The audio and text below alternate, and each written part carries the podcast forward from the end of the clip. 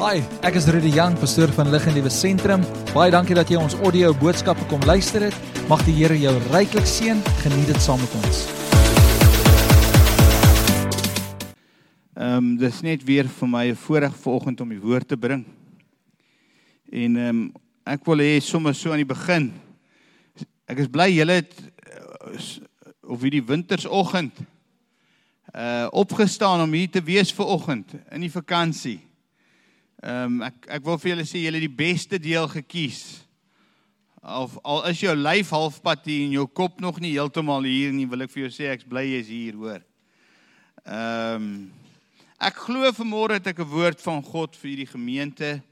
Ek glo met my hele hart dat die Here het met my gepraat rondom sekere gedagtes en ek weet dit gaan ehm um, dit gaan inspraak gee tot jou lewe.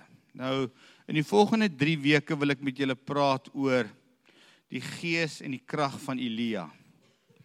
Nou wanneer ek praat oor die gees en die krag van Elia, dan wil ek net so 'n bietjie definisie aan dit sit.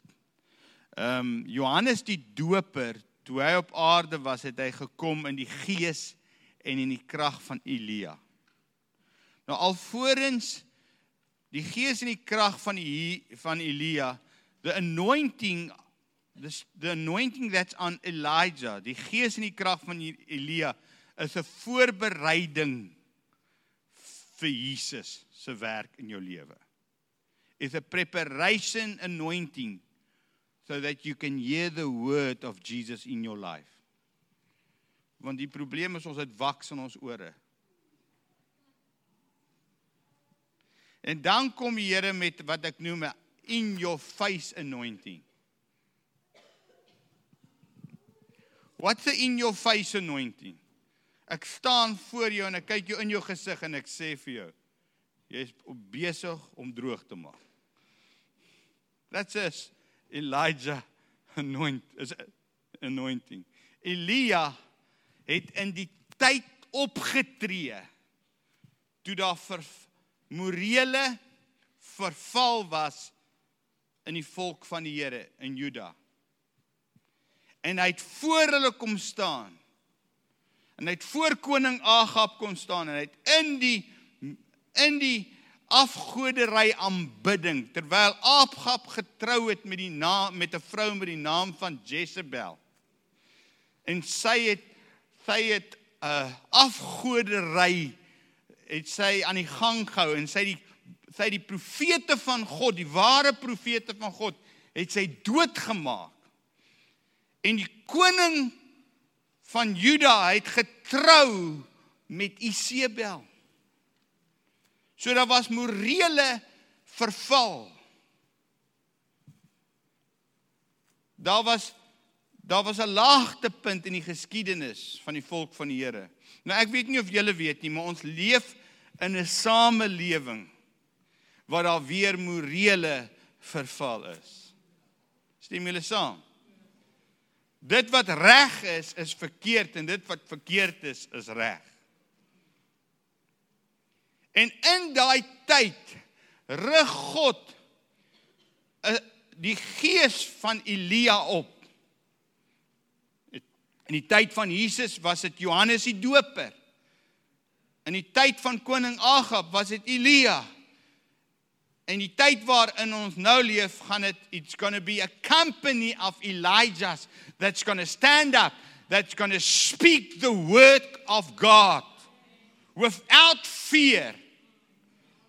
Sonder enige vrees vir wat mense sê of dink. So ek wil nie daai hoe kan ek sê agtergrond gee So wanneer ons praat van julle kan daar sien in Lukas 1. Nou kom ons begin daar. Lukas 1. Miskien moet ek net so voordat ons begin. Kom ons bid net saam. Jy kan daar sit, jy kan jou oë toemaak, kan jy saam bid. Here, ek wil vanmôre bid dat wanneer ek die woord gaan bedien, Vader, dat dit die harte van mense, die harte van individue Here dat dit die dat dit die motiewe Here dat dit die die wese van mens wees sal konfronteer. Heilige Gees, dankie vir die salwing van die Here wat op my lewe is. Here, dankie dat U dat U gesien gaan word vanmôre. Meer as enigiets anders. Ek bid dat dat U woord sal wees soos 'n tweesnydende swaard. Here, maar dit sal verdeling bring tussen murg en been, maar dat dit sal wees 'n beoordelaar van die hart. Lord, let your word expose our hearts. Die gesindheid van ons hart, Here. Ek bid Here dat ons hart oop geskeur sal word. Here soos wat daar in Joël 2 staan, skeer jou hart en nie jou klere nie. Ek bid Here dat U vanmôre 'n let a portal will be open. Laat daar 'n leer sal wees van die hemel af aarde toe. Vader soos Jakob se leer. En Vader dat mense sal hoor dit wat die Gees van God in hierdie dag wil sê en almal sê amen. Okay, so kom ons kyk hierson na Lukas 1 vers 17. En hier kom Lukas en hy beskryf eintlik hy voorspel die geboorte van vir Sagaria, die geboorte van Johannes die Doper. En uh, ons weet daar in vers 16 kom hy sê en hy, dis met Johannes die Doper, as hy op die toneel gaan verskyn en hy sal baie van die kinders van Israel bekeer tot die Here hulle God. Nou die woordjie bekeer beteken omdraai. Ons noem dit 'n omdraai salwing. Wie weet wat 'n omdraai salwing is wanneer jy in die verkeerde rigting om op pad is en die Here stuur iemand in jou lewe is met net net met die, die regte woorde en met die regte hart van liefde en jy besluit ek is besig om in die verkeerde rigting te gaan ek wil omdraai en teruggaan na dit wat God vir my lewe het. Nou die die probleem is is ons kan so vasgevang wees in 'n sekere manier van dinge doen. Dat ons nie eens agterkom dat ons eintlik stelselmatig besig is om weg te dryf. En dan kom die Here en hy doen 'n nuwe ding. Of hy bring hy bring iemand ongewoons soos 'n Johannes die Doper of 'n Elia, Elisa, Elia wat ehm um, uit die woestyn uit praat. It's a voice out of the desert. En hulle lyk snaaks. En hulle praat snaaks. Hulle klere dra gesnaaks en hulle eetgewoontes is snaaks. Hulle eet spring springkane en heuning en hulle het 'n leergord om om hulle om hulle om hulle middel. En hulle roep uit die uit die woestyn uit, maak maak regheid die weë van die Here. En hy sê van Johannes repent. En wie weet wanneer jy wanneer die salwing van Johannes die Doper het, het jy nie 'n langs bedieningstermyn nie, jy het net 6 maande. Want hulle like nie die godsdienstige leiers van die dag en die godsdienstige gees hou nie van die gees van Elia nie. Hoekom? Want he wants to awake a love for Jesus again in the hearts of the people. So duidelik sal die duiwel nie wil hê dat daai salwing moet losbreek in 'n gemeente nie. Hoekom? Want wanneer daai salwing losbreek, dan gaan mense begin weer totaal en al passievol word vir Jesus en alles oorgee vir hom dan gaan die vraag nie meer wees moet ek 'n hokkiestok koop nie.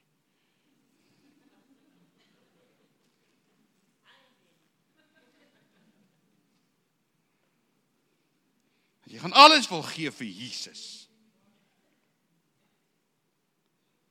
'n Onverskrokke mens wat nie omgee om sy lewe aan God te stel, 'n lewendige aan God welgevallige offer. Dis my redelike godsdienst.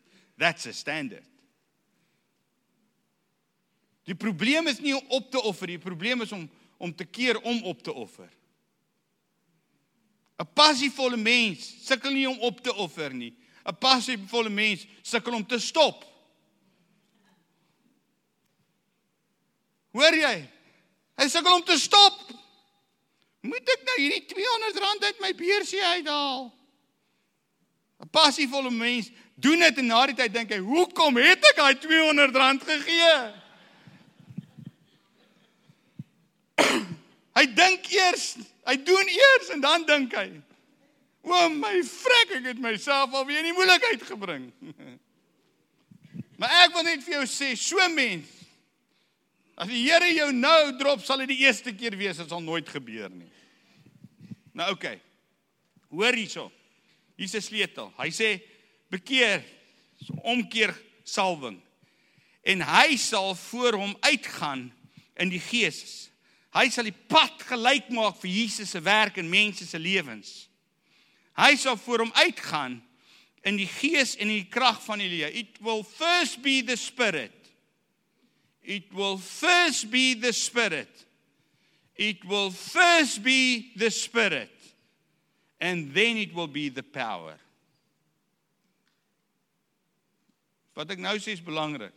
Wanneer God wanneer die gees die salwing van Elia losbreek, dit sal eers die gees wees. Hy sal eers mense se gees aanwakker. He will first awake the spirit of a corporate people. Is jou gees wakker? Is jou gees wakker? Of is jou gees op vakansie? Junie vakansie. Die hemel het nie Junie vakansie nie. Is jou gees wakker? Ek wil hoor ja. Is jou gees wakker? Of slaap jy nog?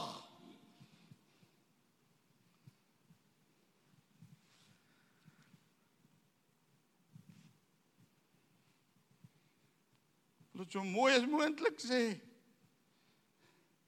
Is jou gees wakker? Waar is jou gees?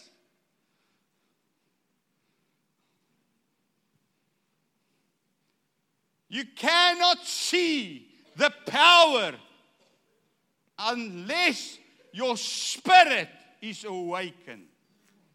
Ons soek die krag, maar ons gees is dood.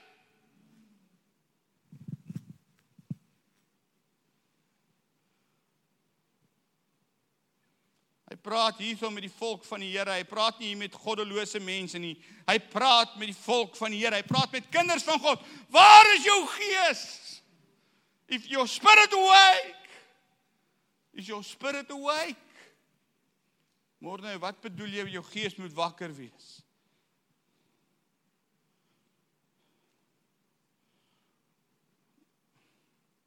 Waarmee spandeer jy jou tyd? Kan jou gees nog die woord van God hoor? Dis belangrik. So hier kom hy sê hy kom in die gees en in die krag van Elia. Ons gaan bietjie oor die gees en die krag van Elia praat in die volgende 3 weke. The spirit of Elijah is a preparation spirit that prepared the ground for the work and the ministry of Jesus. It prepared the grounds for a breakthrough. It prepared the ground for a, a breakthrough in your, in your spirit, a breakthrough 'n deurbraak in jou liggaam, 'n deurbraak in jou finansies, 'n deurbraak in jou huwelik, 'n deurbraak in jou liggaam as jy siek is. 'n Deurbraak, wie het 'n deurbraak nodig? This is a breakthrough spirit that helps you to breaking through. It's a spirit of Elijah that awakes your spirit so that you can go through. Sodat jy 'n vuis kan maak en kan slaan, man.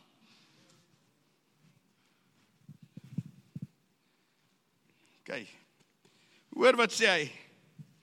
Hy sê hierso en hy sal voor hom uitgaan in die gees en die krag van Elia om die harte van die vaders terug te bring tot die kinders en die ongehoorbare om tot die gesindheid van die regverdiges om die Here toegerus te volk. Hier's drie goeters wat jy moet verstaan van hierdie volk. Eerste ding, die gees gaan werk in jou hart.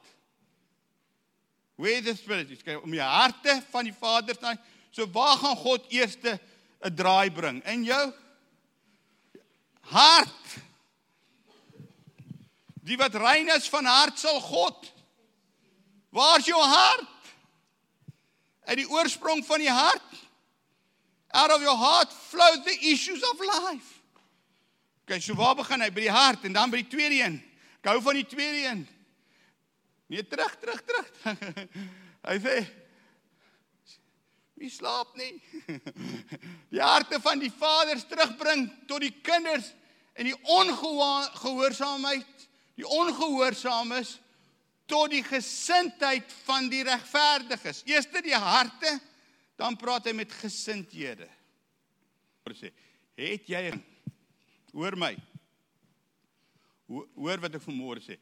Het jy 'n gesindheid vir gehoorsaamheid?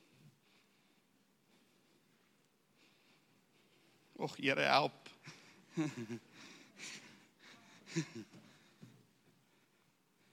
Het jy 'n gesindheid tot gehoorsaamheid as dit by hierdie goed kom? Het jy 'n gesindheid tot gehoorsaamheid tot jou naaste om hulle lief te hê? Het jy 'n gesindheid tot gehoorsaamheid rondom jou tyd? Het jy 'n gesindheid tot gehoorsaamheid rondom wat God nou sê? Kan jy sê ek het 'n gesindheid om ja te sê wanneer ook al, waar ook al? Of het jy nog 'n gesindheid tot ongehoorsaamheid? Bereken jy nog die koste vir gehoorsaamheid? Of is jy al by 'n plek wat jy nie meer omgee wat mense van jou dink nie? Is jy al 'n plek waar jy nie meer omgee om te gee en jy gee nie eens om om te gee nie? Of is jy nog by 'n plek waar jy vasgevang is waar jou gesindheid meer vra vra, meer krities is, meer by 'n plek is wat jy nie glo nie? Waar's jy? God gaan eers jou hart draai in die regte rigting. En dan gaan hy jou gesindheid verander. Here, verander my gesindheid. Ek is moeg om krities te wees teenoor alles en almal wat iets vir u wil doen.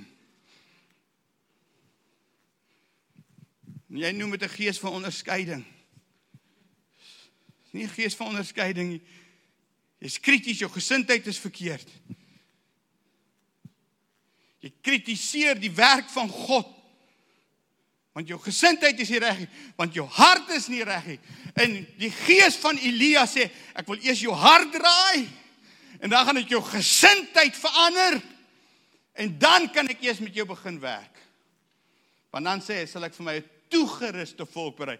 Toerusting in die Here kan nie plaasvind alvorens jou hart nie reg is nie, alvorens jou gesindheid nie reg is nie, want anders is jou ore doof en jy kan nie hoor nie.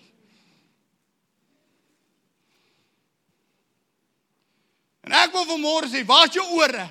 Kan jou ore hoor wat die Gees van die Here sê of is jy nog by 'n plek waar jy nie die toerusting van die Heilige Gees vir jou nou kan hoor nie? Jy is so vermeng met die gees van die wêreld dat jy nie kan hoor wat God in hierdie uur vir jou wil sê nie. The spirit of Elijah is in your face anointing. Is in jou gesig. Is in jou gesig. Ek kyk jou vierkantig in die oë en ek sê, "Waar is jy geestelik?" Is jy 'n ding van Ag, weet jy wat? Liewe Jesus, lief vir jou nie.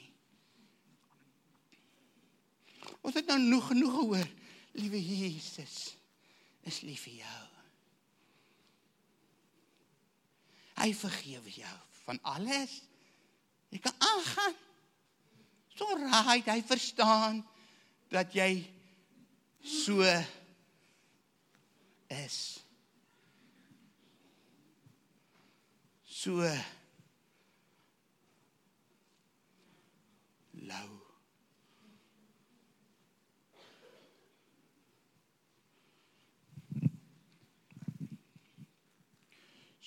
So gesindheid. That attitude will not shape history. I want to reshape history.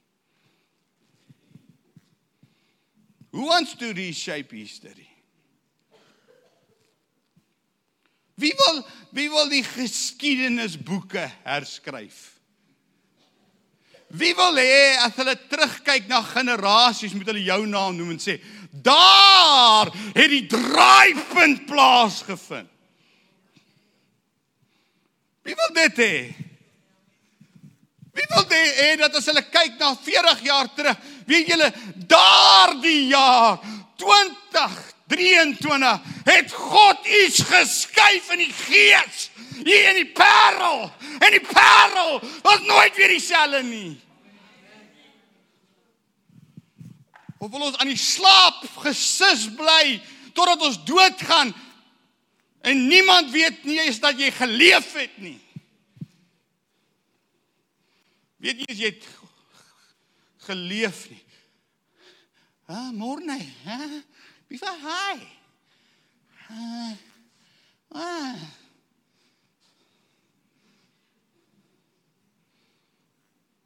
Na maand het jy jou begrawe vergeet hulle van jou.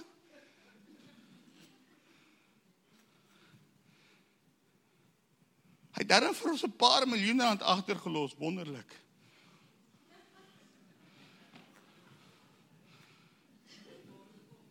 Die Here weet, dis nie alwaaroor dit gaan nie. Erns moet ons in 'n generasie kan opstaan sê, "We want the spirit of Elijah upon us that will shift that will shift the atmosphere into a new direction."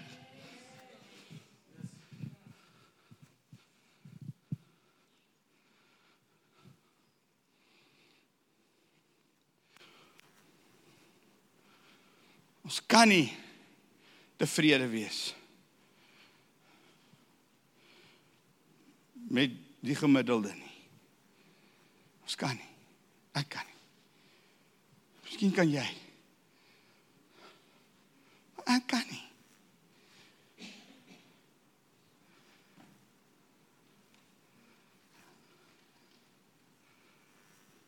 Ek sal doodgaan.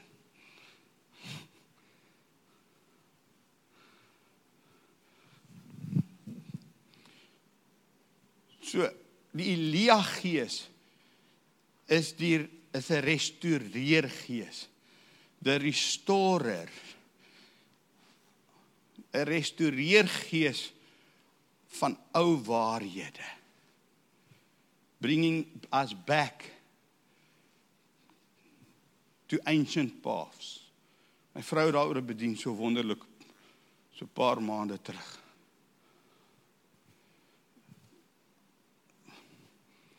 Dis beginsels waarop alles rus. Daai goed sal nooit daai ancient paths, daai ou waarhede sal nooit kan verander nie.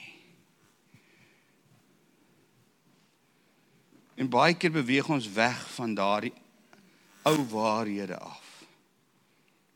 En daar's verskillende ou waarhede.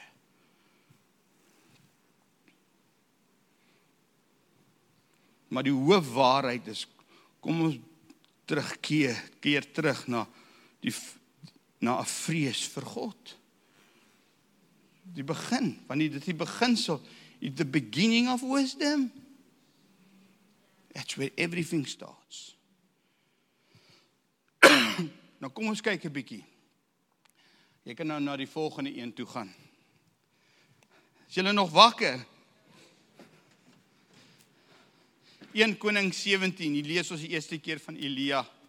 Hier. En nou wil ek net vir julle gou sê, vers 1. 1 Koning 17. Ek gaan nie ek gaan nie die hoofstuk gou vir julle sê hierdie hoofstuk word in 4 dele opgedeel.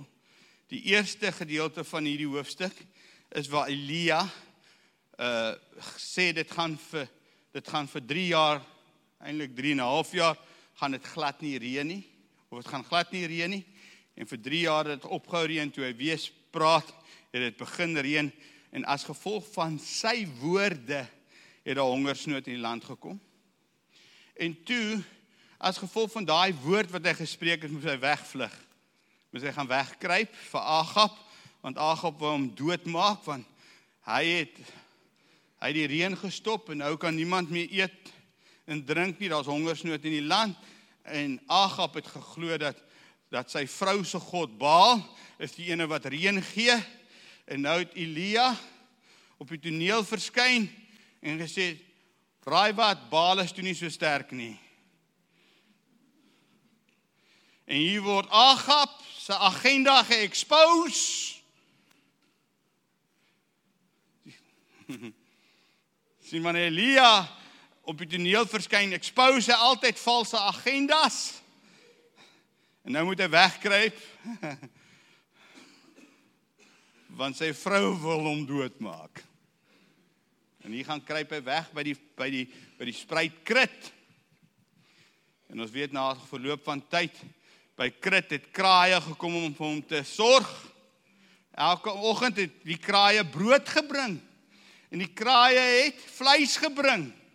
Amazing. Kraaie wat vir jou sorg, bring brood en bring vleis. Party party ouens sê daai gedeelte sê dis nie kraaie nie. Ja, die, die, jy kan ook sê dis Arabiere as jy dit vertaal. Maar ek weet nog nooit van 'n Arabier wat vir 'n Jood vleis en brood gebring het twee keer 'n dag nie. Hy sal dit net vir een dag doen en net nie weer doen nie. Daai is kraaie. Vir 2 jaar lank. Elke oggend en elke aand kraaie en vleis gebring. Amazing. En na tyd toe die spruit opgedroog en toe gebeur die volgende, besef ek kan nie hier bly nie. Ek moet weer teruggaan Ek moet weer teruggaan. Ek moet uit die wegkry plek uitkom en hy gaan terug na Sarfat toe. Toe Sarfat plek waar 'n weduwee vrou was of Sarepta waar 'n weduwee vrou was gebly het. Sy is toe sy toe in 'n plek waar waar die waar daai hongersnood was. Maar dit was ook 'n plek waar Agab hom weer aan die hande kon kry. Sy was hy was weer in 'n plek van konflik. Maar in daai plek van waar hy homself weer expose, waar homself weer by 'n plek kry van uit die weg kry plek uit. Die duiwel is hy's weer in 'n plek waar die duiwel hom kan aanval. Raai wat? In daai plek sorg God vir hom op 'n bonatuurlike manier deur 'n weduwee vroutjie. Maar al hierdie goed was voorbereiding vir die volgende ding. Hierdie vrou If you receive a prophet, you get the prophet reward. Hierdie vrou se seun is gesterf. Het hy die reward, sy die reward gesorg het. Het die profeet het hy die reward, sy die reward van die profet ontvang en raai wat? Hy wek hierdie seun uit die dood uit op. En al hierdie 3 4 goeters wat hier gebeur het, wat eintlik vir hoofstuk 18 wat ons volgende week gaan oor praat, was eintlik om jou te kry by 'n plek van konfrontasie op die berg Karmel waar die Baal profete oorwin is. So Lord, the Lord will always lead you to a place of triumph. So alles wat deur jy gaan, moenie dink is tyd mors nie. Want alles wat deur hy in hoofstuk 17 gaan is om sekere lewenslesse te leer rondom wie God is.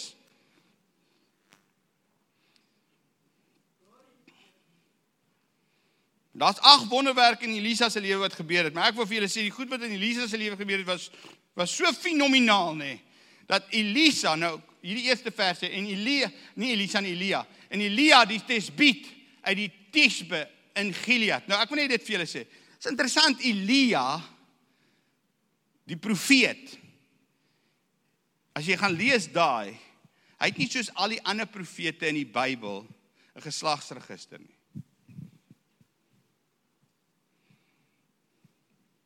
is nogal belangrik as jy 'n profeet wil wees in daai tyd dat hulle sal weet uit watter geslagslyn uit jy kom. En onthou Elia was een van die profete in die Nuwe Testament wat die meeste genoem was. Inteendeel, Elia was een van die profete wat op die berg van jy was die enigste profeet op die berg van jy uh, verheerliking saam met Jesus saam met Moses verskyn het. Elia was een van die min mense in die Bybel. Daar was net 2 wat nooit fisies dood gegaan het nie. En Elia Elia gaan ook die persoon wees wat in die eindtyd in die boek Openbaring gaan verskyn. So there's something special about this man. Stimule saam. Maar hierdie hierdie man het nie 'n geslagsregister nie. Nou gaan ek vir julle sê, he's a no brand prophet. Hy het nie uit 'n Bybelskool uitgekom nie. Hy het net op die toneel verskyn en begin praat en almal moet moet maar glo dis die Here.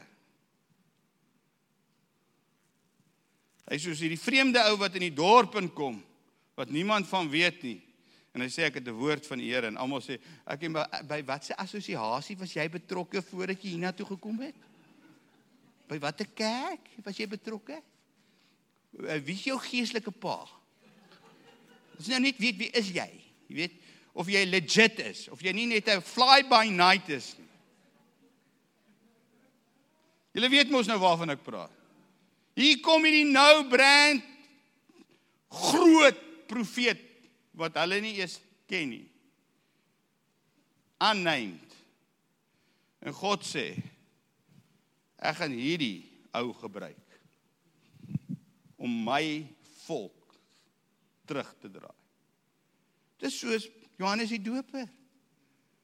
Op Johannes die Doper, selfe gees, toe hy bedien het, toe het hulle gewonder wie is hy? Nou sê jy vir ons wie is jy?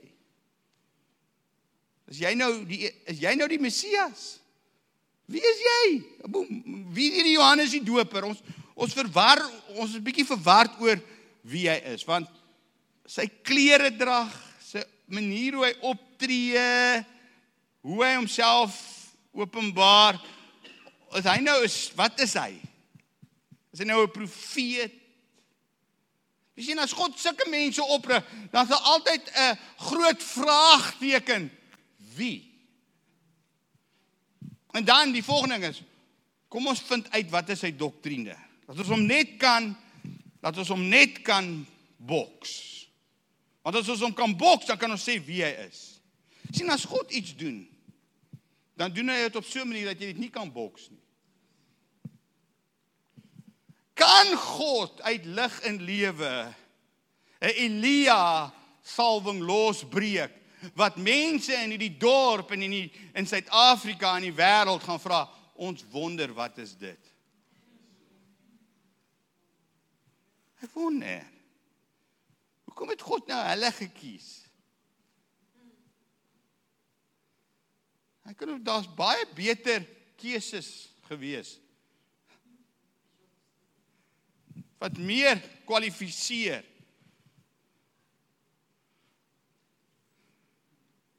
vir 'n wêreldwye herlewing. Kom sal hy nou Elia kies? Die Tesbiet uit Tisbe uit Gilead. Weet jy was Gilead is 'n rotsagtige woestynplek. Dis waar hy gebly het. Dis waar hy groot geword het. Dis in klippe. Kom ek kyk, kan ek vir jou wys waar waar hy het Johannes die Doper groot geword. Lukas 1:80 sê en die kindjie, dis Johannes die Doper, het gegroei en sterk geword in die gees en hy was in die woestyne meervoud tot op die dag van sy vertoning. Dit lyk vir my dat wanneer God iets wil doen, dan berei hy jou altyd voor waar niemand jou kan sien nie. Hy vat jou een kant. Hy het vir Paulus vir 13 jaar op die berg Arabië gevat voordat God hom gerelease het om sy roeping uit te leef. Hy het vir Moses vir 40 jaar lank na sy skoonpa Jethro toe gevat om hom voor te berei voordat hy hom vertoon het aan die volk Israel. Hy het verlig in lewe weggesteek vir 'n dag soos hierdie.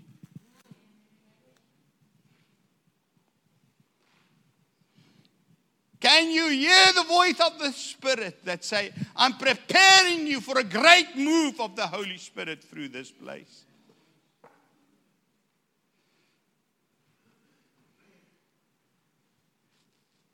Elia, die Tesbiet wat in Gilead gewoon het, daai rotsagtige plek vol klippe. Wie is sy pa en ma nie? Ons weet nie. Daar was te veel klippe.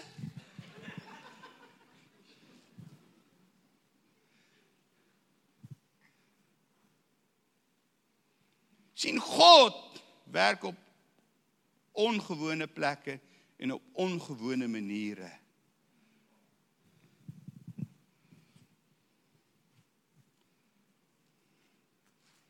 Maar een ding wat ek weet van Elia hy het nie omgegee wat mense van hom dink nie.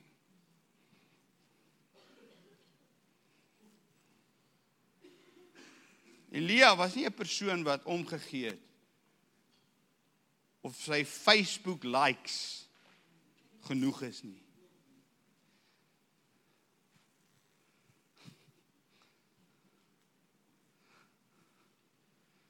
Hy het homself ook nie geadverteer op die radio en op die televisie.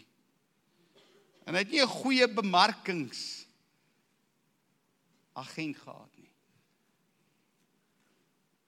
Hy het nie goeie strategiese bemarkings al wat hy gehad het is 'n intieme diep verhouding met God. En hy het geweet om in die gees te funksioneer. He know the supernatural en hy het geweet hoe om goed in die gees te skuif.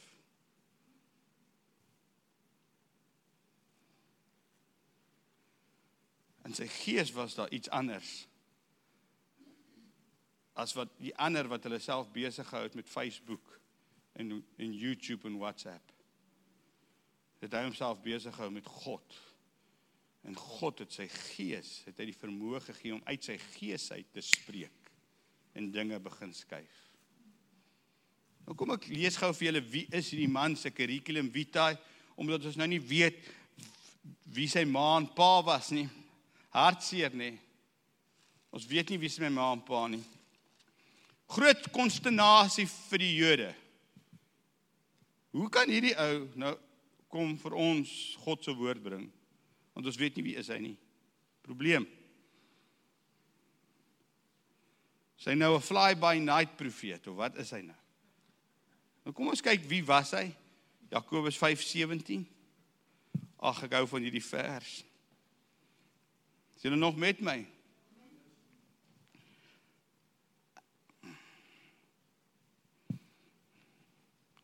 Hy sê hierso in vers 16 bly mekaar julle misdade bid vir mekaar en dan sê die gebed van die regverdige het groot krag.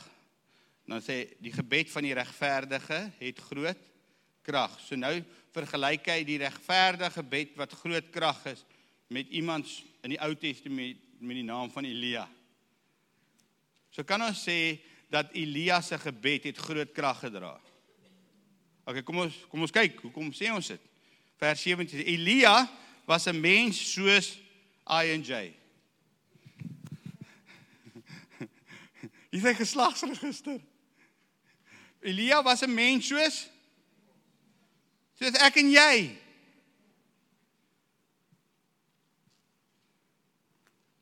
So kan jy ook in die gees van Elia funksioneer. Hoekom dink julle het hy nie 'n geslagsregister nie? Sodat dit vir jou hoop kan gee. Dat jy kan weet dat jy ook die vermoë het om die geestelike riem te kan skuif. Want as hierdie man gebid het, dan stop die reën. As hierdie man gespreek het, dan gebeur dinge. Maar wie was hierdie man? Was hy spesiaal? Of was hy net oorgegee? Was hy net 'n man wat gesurrender het tot God se plan vir sy lewe? Wat sê die Bybel is hy? Hy's 'n man soos ons.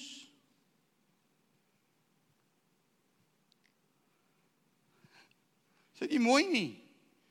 Moet dit nie vir jou hoop skep nie. Dat God het besluit in sy almag om nie spesiale mense te gebruik nie, maar gewillige mense. Kan ek dit net weer sê? God het besluit om nie geleerdes en mense te gebruik wat ander mense sal dink moet gebruik word nie. Maar God het gesê ek gebruik Elia, iemand soos jy. So dit wat Elia was is ook binnekant jou bereik.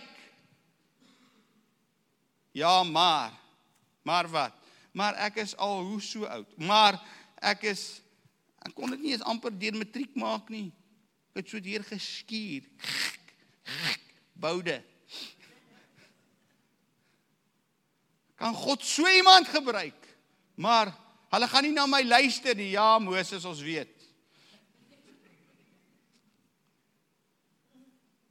Kan God jou vandag nog oprig?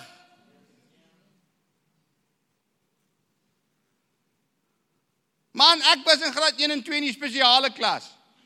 Baie klein klas. Daar net 12 mense gesit. En hulle gedink ons almal is ewe dom. Hulle het gedink die liggies gaan nooit aangaan nie. Want hulle net jammer kry. En ek het universiteit gemaak. Ek het dit goed gemaak. So God kan uit niks uit iets oprig man. God kan jou gebruik. God wil jou gebruik. Jy moet 'n gewilligheid hê. Jou hart moet draai, jou gesindheid moet draai sodat God jou kan toerus. So that you can put the spirit of Elijah upon your life. Dis op vrou en man. Die gees van Elia wat 'n toegeruste volk vir God voorberei, wat die ancient paths kan terugbring, that can be in people's faces wat voor mense kan staan onverskrokke en nie bang nie. Jy kan sê so spreek die Here man. Kom terug na die Here toe. Omdat ek mense lief is dat ek dit sê. Dis tyd dat die kerk weer 'n stem sal kry. Dis tyd dat ons uit die uit die woestyn uit sal skree. Maak reg uit die weë van die Here man. Waar is ons? Man ek preek lekker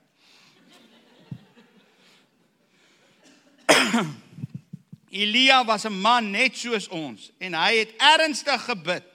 Nou daai woordjie ernstig gebid of vurig gebid beteken hy het 'n innerlike oortuiging gehad. Dis die innerlike oortuiging is ernstig gebid beteken nie hoe hard jy bid nie. Beteken met watse oortuiging? Vurige gebed is nie hoe hard jy bid nie. Ek was al in bidure waar hulle dink hoe harder jy bid, hoe harder die desibel is, hoe vuriger is die gebed. Hoe meer salwing. Ek wil net vir julle sê, jy kan hoe hard skree, dis nie te sê daar's salwing nie. En dan kan jy ook so saggies bid soos 'n Dis ook nie te sê daar's salwing in stilte nie. Daar's salwing in oortuiging.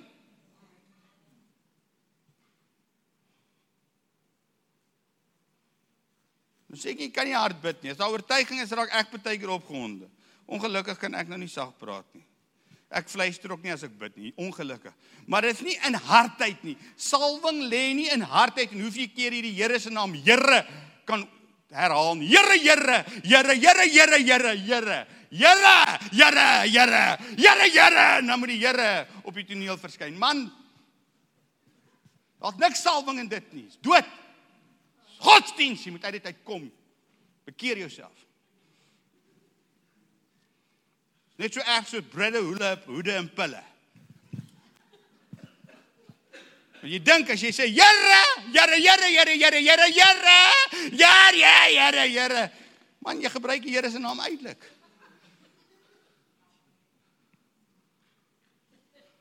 Jy moet innerlike oortuiging hê van wat God vir jou gesê het en dan moet jy spreek. Dis nie die vorm van godsdiens wat jou geestelik maak nie, dis die hartsoortuiging wat God se salwing in jou lewe gaan losmaak. Waarvoor is jy bereid om in jou hart voor te sterf? Dit waarvoor jy bereid is om te sterf, op daai offer sal God se teenwoordigheid rus. Stem julle saam? Die vurige gebed. So nou weet julle wat vurige gebed. Dis die innerlike inward hy sê in die Engels the inward persuasion. Dis daai wete van die binne af. God het met my gepraat. I will I will I will not be moved. Al val 'n duisend aan my linkerkant. En 10000 hier aan my regterkant. Hierdie man sal hier staan want ek is innerlik oortuig van wat God gesê het. En uit daai plek uit bid ek. Wie weet as jy daai plek uitbid, is daar salwing. Dan kan jy bid en sê: Hemel, hou op reën gee. En vir 3 2 en 'n half wel 3 en hoe lank sê 3 en 'n half jaar sal dit nie reën nie totdat jy weer bid. Totdat jy weer sê, wolke, reën. Boom.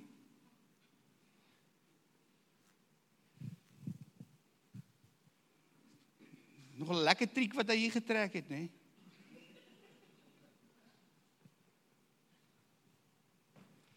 Nou wie was hy?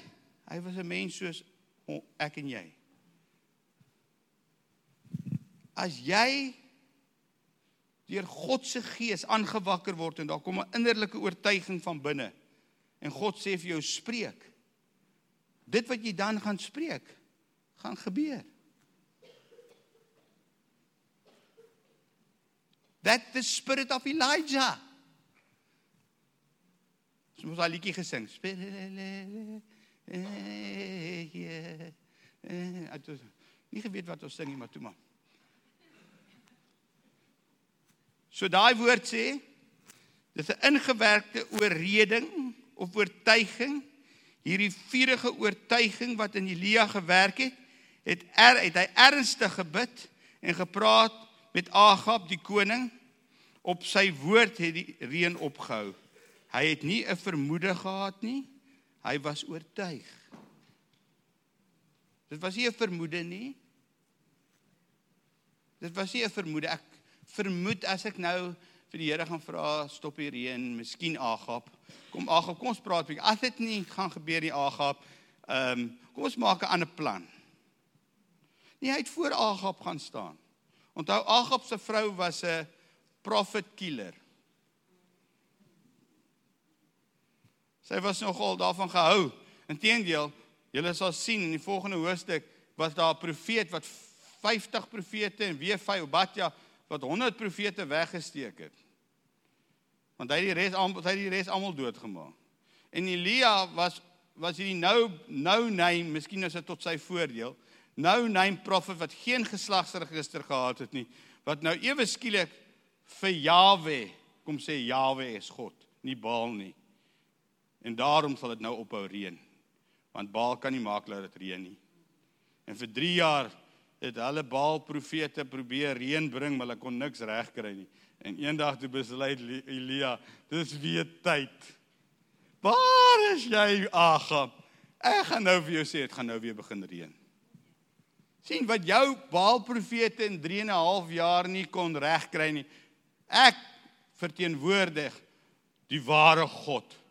En hy spreek deur my en nou sal dit weer begin reën. En dit reën. Maar wie was hierdie ou?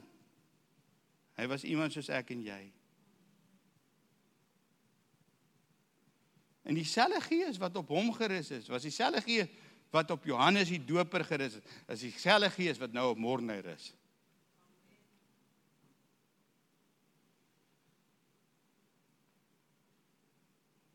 Wat jy daarvan baan nie? Dink net dat jy daai gesag kan hê. Ho! Woef. Maar hoekom het God vir hom opgerig?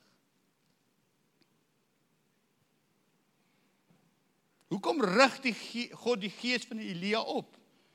Is nie vir die mense in die wêreld nie. Hoe weet ek dit? Want die rede hoekom Elia opgerig was is om die volk van die Here se harte terug te keer na God toe. Want hulle was vasgevang in afgoderry. Hulle het Baal aanbid en Jezebel se afgode op die hoogtes. En hier stuur God 'n ware profeet. En hy's 'n in your face prophet en hy staan in die gesig van mediocrity en van afgoderry en van morele verval en hy staan in die midde van dit en hy sê so spreek die Here sodat hierdie volkie wat nie meer in God glo as die ware God nie kan sien wat die ware God deur 'n man kan doen sodat hulle harte weer terug kan keer na God toe. Dis weer tyd dat die gees van Elia in ons opgewek gaan word sodat mense weer kan sien daar's 'n ware God.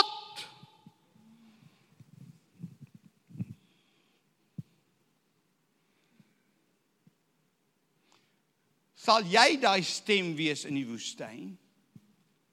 That will cry out in the wilderness, make straight the way of the Lord. Will you be that voice? Sal jy sê Here ek wil hê werk met my hart.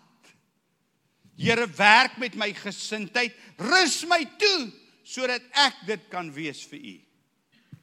Ek is so bly ek kon hierdie een vers vir julle oopbreek. Ek gaan niks meer sê nie.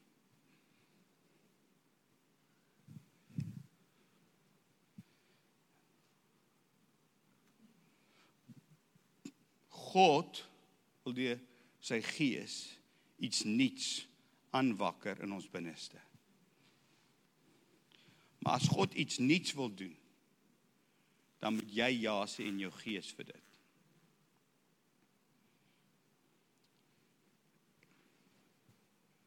En hiermee wil ek afsluit. Ek wil net vir julle net iets interessant. Ek wil dit vir julle sê. Julle weet daai seentjie wat dood gegaan het in daai hoofstuk Ek het nou daai seentjie wat en toe hy vir die seentjie gaan bid en weet julle wie was daai seentjie buitebronne? Jona die profeet.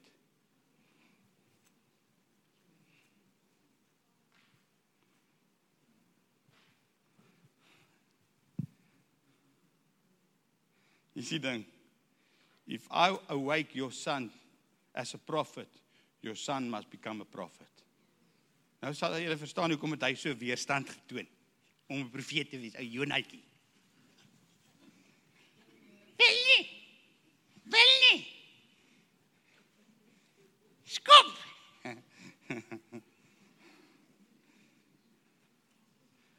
jy kan skop soos jy wil. Ek het jou opgewek deur 'n profeet uit die uit die doodheid. Daarom sal jy my profeet wees. En jou ma het jou geoffer vir dit. Jou ma het gesê If you wake my son out of the dead, I will give him to you, Lord. Ek weet dis wat sy gebid het. Al staan dit in die Bybel nie. En omdat 'n omdat jy die omdat sy die prophet reward ontvang het, daarom het het het, het die seun 'n profeet geword.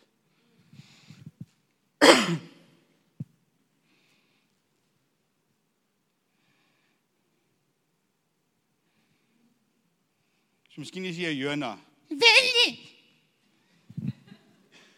Kom oor jouself.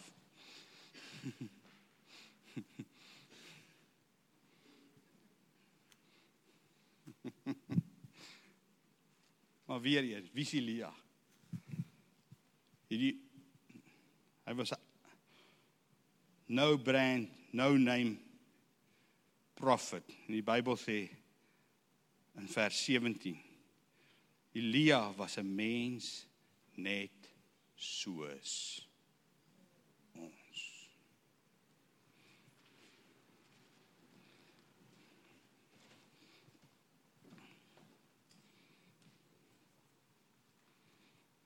Hy was 'n mens net soos sê ek. Kom ons bring hom huis toe. Hy was 'n mens net soos ek. Hy was van dieselfde stoffasie gemaak Devin as jy. So daar was niks verskil tussen Elia en jy nie. So as die Here vir Elia kon gebruik en die gees van Elia kon op Johannes die Doper is, kan die gees van Elia, die krag van die gees van Elia kan ook op jou rus. Selfs vir jou Tanya. Jeremy. Hey. Ah. Elkeen van julle. Daai Jolanda. Die gees van Elia kan op jou rus man. Hy kan op jou rus. Dat jy ook 'n woord kan spreek in die midde van teestand. You can be in their face. Ja, dis wat jy is. You in their face. In their face. Jy kyk hulle vierkantig in die oë. In in their face. Wanneer jy so in hulle gesig is, Tanya, Dan raak hulle ongemaklik, hoor. Raak ongemaklik, man. Want hulle wil nie verander nie. Hulle wil nie, hulle wil nie, hulle wil nie, maar weet jy wat? Hulle gaan. Want God sê hulle gaan. Want the spirit of Elijah is upon you. Staan in die midde van oppositie. In die middel van midde van kompromie, in die midde van afgoderry, in die midde van morele verval, staan ons in die midde van dit alles en ons sê 'n man is 'n man en 'n vrou is 'n vrou. Nie dit nie. Om nou te sê wat ek is nie. Man ek weet wat ek is. En hou op Peter aan die kern van familie wees. En al moet dit kos dat mense my van hulle Facebook afgooi. So be it. Lekkerste die lekkerste, hoe kan ek sê weggaan ooit? Of wat noem hulle as jy op Facebook jou nie meer wil hê nie? As hulle my dan aanvriend.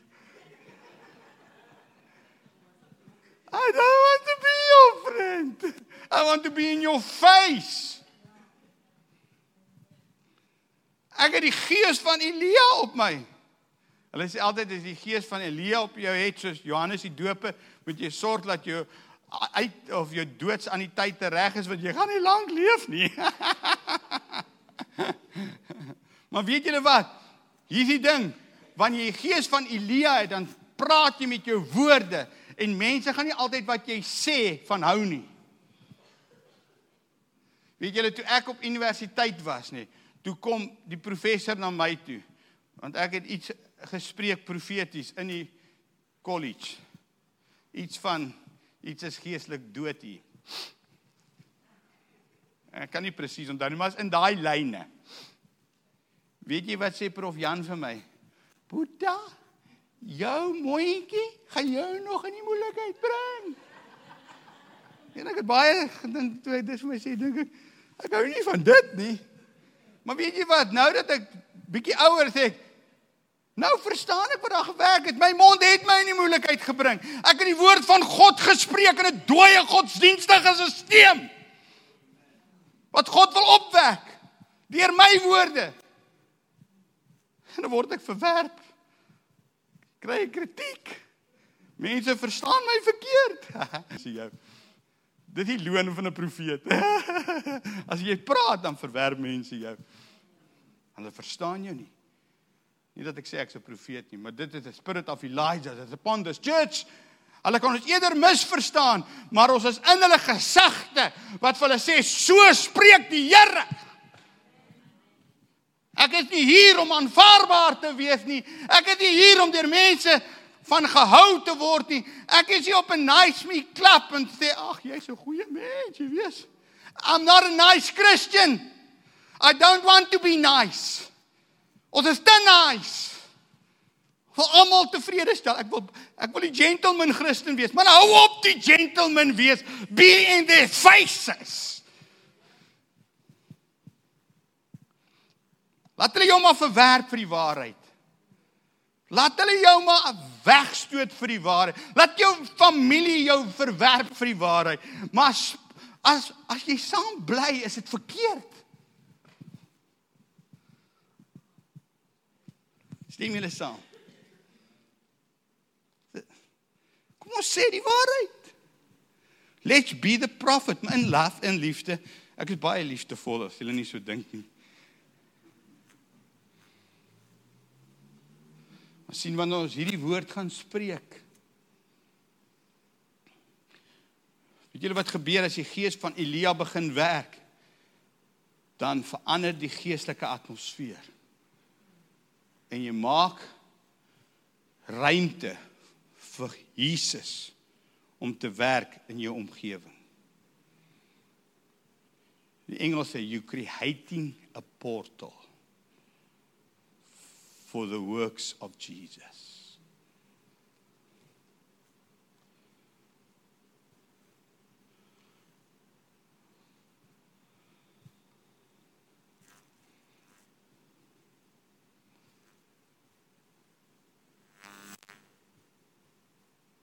En dis wat ek wil hê moet in die gees gebeur.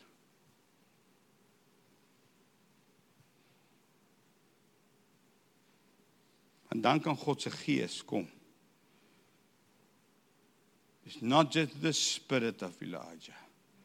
Then it will be also the demonstration, the power.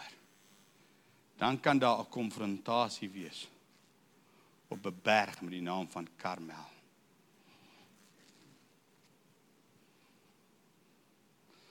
En dan kan daai 500 Baal profete kom dan kan jy hulle spot. Nou waar is jou God eh Agap? Waar is hy? Is hy op die toilet? Dis Hebreë so. Klein huisie. Sy besig om te druk. Waarmee is hy besig? Sy in die klein huisie besig. Waar is hy? Jy sien hoe spot hy daai God. Want sien dan moet jy in die gees van Elia kan begin praat, dan kan jy in mense se gesig sê, "Waar is jou God, man? Where is your God?" Kom ek wys jou wie's God.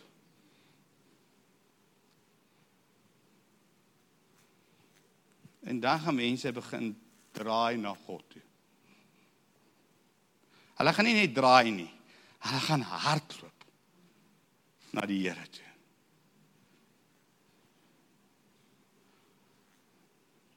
Want mense het hierdie God nodig. Hulle is moeg vir die vermenging. Dis wat Baal beteken, vermenging. Hulle is moeg vir die Babiloniese verwarring. Kom ek sê in die einde tyd gaan God Babel die stad Babel die hoer vernietig. Glo my. Hoa! Die die woord van sy profete. And you can be one of those prophets. A corporate people that will stand for the for the Lord praat ek met die regte mense.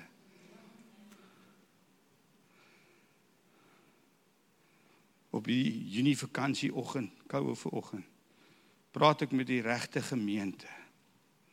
Wat sê Here, ons wil daai ons wil hê dat die gees wat op Elia gerus het moet ook ook op ons rus.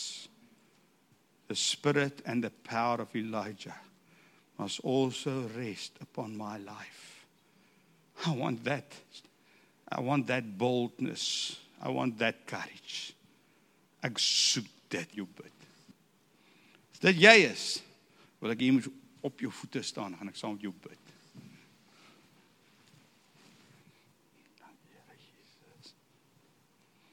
Net daar waar jy staan, begin jy net alleen nou met die Here praat. Nie wag vir my gebed nie. Dis nie in elk geval nie tussen my en en jou nie, dis tussen jou en God. Here, dankie. Ek bid Here dat U in in hierdie gemeente 'n 'n nuwe gees van van Elia vol aanwakker 'n nuwe mantel iets waaraan ons nie voorheen gewoond was nie the confronting spirit within us that wants to wat wil sê wat reg is wat nie bang is nie wat onverskrokke is. Wat jy net wil nice wees nie maar wat 'n dringendheid in hulle gees beleef van die uur waarin hulle leef van die oomblik waarin hulle self bevind Die tyd is min. En Here laat daar 'n geestelike dringendheid in ons binneste sal aangewakker word deur waar ons nou onsself bevind. Myself, Here, ek bid Here, ek bid Vader, draai die harte begin by my. Draai ons harte na U toe, Here, waar dit nodig is. Here laat ons wat ons weer ons harte een sal hê met U. Ek bid dit, Here. Bid Heilige Gees, draai my hart.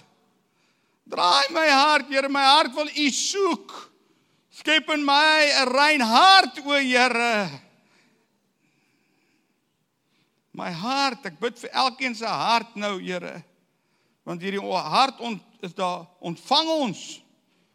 Ek bid vir ontvanklike harte wat die woord van God sal hoor. Nie rotsagtige grond nie. Nie dorings of dussels nie, maar vrugbare grond. Bid dit vir harte. Opmerksame harte. Harte wat sal kan onderskei. Onderskei tussen goed en kwaad. Here, gee ons harte wat sal weet wat die tekens van die tye, die tye waarin ons leef sal verstaan. Soos like the sons of Issachar. I pray Lord that the sons of Issachar will arise in this church that will know the times and the seasons we're living in. The desperate times we're living in. Op dieselfde manier wil ek bid vir gesindhede. Die regte gesindheid. Here, ek bid waar ons hart in lyn kom, bid ek ook vir gesindheid. 'n Gesindheid tot gehoorsaamheid. 'n 'n attitude to obedience. Lord, I pray for an attitude to total obedience. Ek bid dat ons 'n gesindheid sal hê tot, tot volkomme gehoorsaamheid soos Abraham wat sy seun Isak geoffer het, bid ek vir gehoorsaamheid.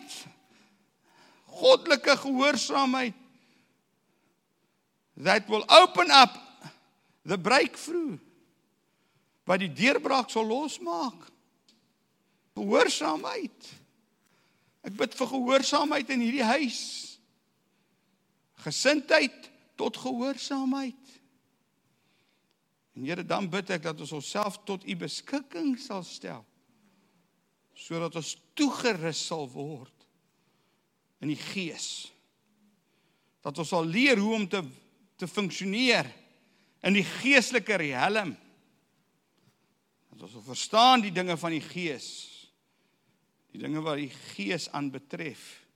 Dat ons sal wys wees nie met die sigbare nie, maar die onsigbare sodat wanneer ons bid laat u koninkryk kom en laat u wil geskied dat dit reg sal gebeur. Bid dit vanmôre vir hierdie gemeente. Bid dit vir elke jong mens, ek bid dit vir elke ouer volwasse persoon, ek bid dit vir elke persoon wat in hierdie gebou is. Bid dit vir elke familie. Ek bid dit vir die wat nie vanoggend hier is nie. Ek bid doen 'n nuwe werk. Nie doen 'n nuwe ding, Here. Ek bid Heilige Gees, wek ons gees op. Ek bid skep iets nuuts in ons midde, Here. Ek bid Here, ons roep uit na U, ons verlang na U, ons begeer na U. Ons sê Here, ons het U nodig. Dis wat ons bid. Dis nie net klakkelose woorde nie. Dis meer as dit. Dis 'n oortuiging. Dis 'n wete in ons hart. Dis 'n vurige oortuiging van ons binneste wat weet as God dit gesê het, so sal dit wees. En almal sê amen.